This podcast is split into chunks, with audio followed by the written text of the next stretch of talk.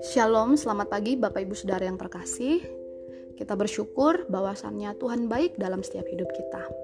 Pagi ini kembali kita akan melanjutkan renungan kita dari seri kitab Satu Tawarik.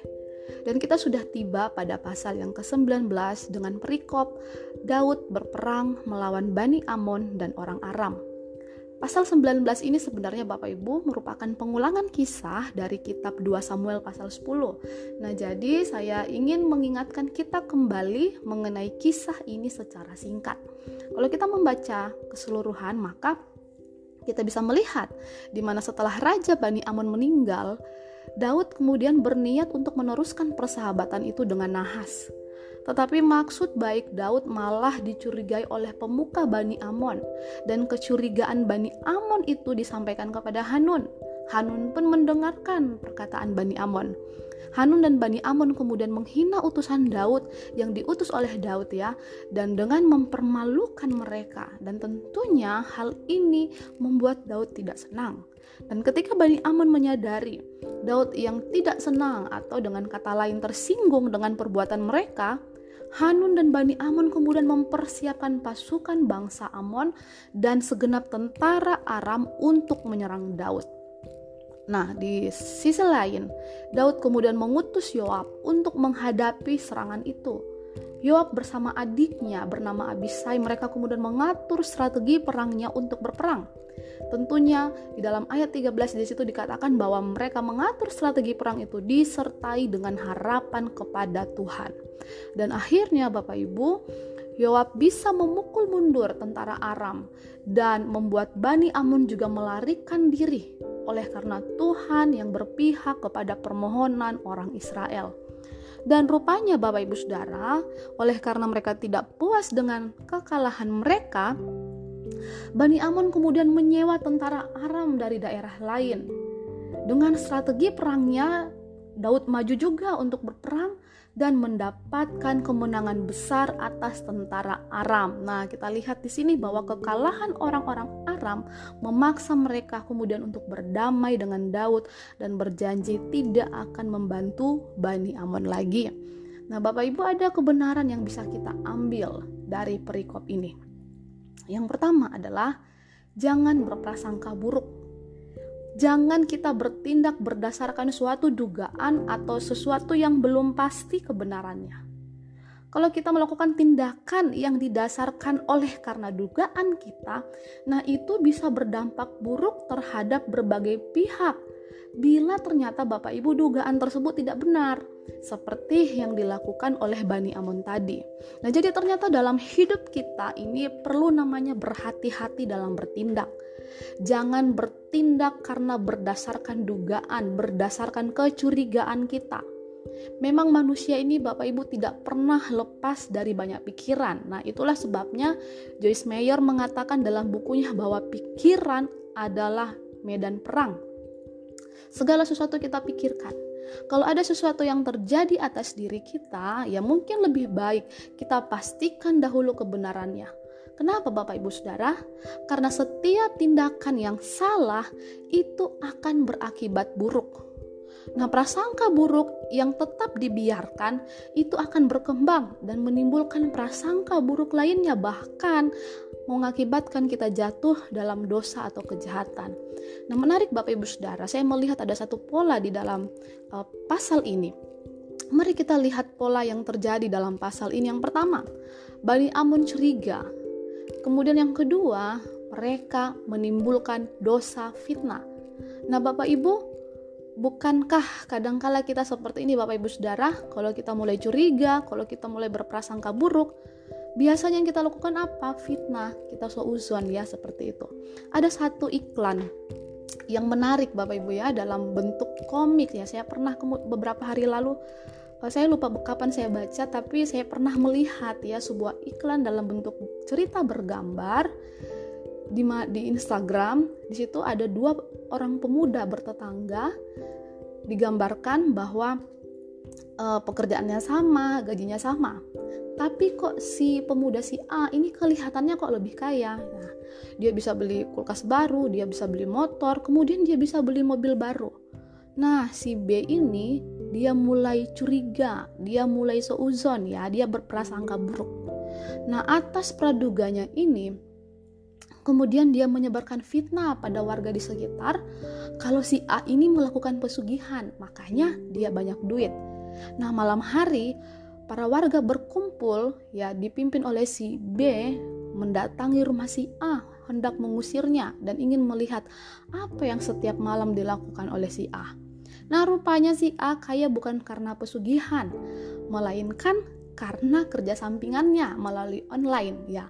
Jadi ada sebuah aplikasi online ternyata yang membuat dia bisa menghasilkan duit yang banyak. Jadi tanpa harus keluar rumah, tapi dengan aplikasi online itu dia bisa menghasilkan duit. Yang terjadi apa? Akhirnya pemuda si B yang diamuk masa. Nah, kita lihat Bapak Ibu Saudara bahwa prasangka buruk membuat kita mudah sekali untuk memfitnah orang lain. Jadi, setelah Bani Amun curiga, mereka kemudian menimbulkan dosa fitnah. Tidak hanya sampai fitnah, mereka juga menghina dengan mempermalukan utusan Daud. Nah, Bapak Ibu, kalau kita membaca keseluruhannya, betapa keji perlakuan mereka pada saat itu. Tidak hanya mencukur rambut mereka, tapi juga memotong pakaian mereka. Para utusan Daud ini menjadi amat sangat dipermalukan. Nah, yang kemudian setelah menghina, bukannya mereka minta maaf, tapi mengumpulkan pasukan perang. Mereka mau berperang untuk melawan Daud. Apa yang terjadi? Mereka kalah. Nah, ketika mereka kalah, mereka tidak terima kekalahan. Mereka kumpul pasukan untuk menyerang kembali dan apa yang terjadi mereka kalah telak. Kalau kita membaca, di situ dikatakan bahwa Daud membunuh dari bangsa Aram ada 7000 ekor kuda kereta. Kemudian ada 40.000 orang pasukan berjalan kaki, bahkan tapang lima tentaranya pun mati dibunuh. Mereka mengalami kekalahan yang besar sekali Bapak Ibu Saudara. Nah, setelah mereka kalah telak ini, baru mereka mau minta maaf dan mengadakan pendamaian dengan orang Israel. Menyadari kesalahannya dan tidak memberi per, uh, menyadari kesalahan, kemudian mereka tidak lagi memberi pertolongan kepada Bani Amon. Bani Amon menerima konsekuensi dari apa yang telah diperbuat. Benar seperti apa firman Tuhan yang berkata bahwa apa yang engkau tabur, itu juga yang akan engkau tuai. Mari Bapak Ibu hiduplah dengan baik dan jadilah berkat bagi sesama, baik itu melalui tindakan maupun perkataan kita. Mari kita belajar untuk memperbaiki hidup dari hati kita. Nah, jika hati dan pikiran kita penuh dengan prasangka buruk, maka kita akan membuahkan emosi dan itu menyebabkan perpecahan. Apabila ada seseorang yang dengan sengaja Bapak Ibu berniat buruk kepada kita, nah kita tidak perlu melawan sebab orang itu sesungguhnya telah mencari perkara dengan Tuhan. Biarkan Allah yang bertindak atas hidupnya. Ingat apa yang dikatakan, apa yang dilakukan oleh Yoab dan Abisai. Mereka mempercayakan hidup mereka kepada Tuhan mereka menaruh pengharapan kepada Allah dengan berkata, "Tuhan melakukan yang baik di matanya." Dalam terjemahan bahasa Inggris lebih jelas lagi mengatakan, "The Lord will do what is good in His sight." Nah, lawan kata curiga, Bapak Ibu, adalah percaya. Nah, mari kita seperti Yoab, di mana melihat sebuah kepungan besar menyerang mereka, namun tetap percaya Tuhan akan melakukan yang terbaik bagi mereka yang menaruh pengharapannya kepada Allah. Kalau kita membaca ayat ini, maka di situ kita lihat bagaimana Yoab dan Abisai dengan cekatan mengatur strategi berperang mereka. Memang Bapak Ibu salah satu unsur penting untuk kita memenangi sebuah peperangan adalah strategi yang baik dan juga tepat sasaran. Namun Bapak Ibu, kemenangan Yoab dan Abisai dan Daud bahkan seluruh, seluruh tentara Israel bukan karena kehebatan mereka, melai, bukan karena uh, strategi mereka yang sangat mumpuni, melainkan karena tangan Tuhan yang perkasa menyertai mereka. Hal ini Bapak Ibu menunjukkan betapa pentingnya kita menaruh pengharapan, menaruh kepercayaan penuh kepada Tuhan.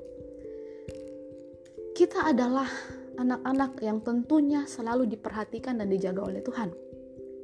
Tetaplah berprasangka baik kepada semua orang, terlebih lagi kepada Tuhan, Bapak Ibu. Jangan sampai ada masalah yang begitu berat kita mulai berprasangka buruk kepada Tuhan. Mari kita menaruh pengharapan kita kepada Allah. Walaupun situasi yang kita alami sepertinya tidak ada jalan keluar. Ingat, the Lord will do what is good in his sight. Tuhan akan melakukan apa yang baik dalam pandangannya. Oleh sebab itu, percayalah sepenuhnya kepada Allah. Hidup kita tidak tergantung dengan orang-orang yang berada di sekitar kita. Karena hidup ini sesungguhnya adalah kemurahan Tuhan saja. Nah, saya ingin membacakan sebuah ayat sebagai penutup renungan kita pagi ini. Dalam Ibrani 3 ayat 12 berkata, Waspadalah hai saudara-saudara, supaya di antara kamu jangan terdapat seorang yang hatinya jahat dan yang tidak percaya oleh karena ia murtad dari Allah yang hidup. Kiranya Tuhan menolong kita dan kiranya firman Tuhan yang kita dengar saat ini bisa mendapat tempat dalam hati kita dan menjadi rima dalam setiap kehidupan kita. Tuhan Yesus memberkati.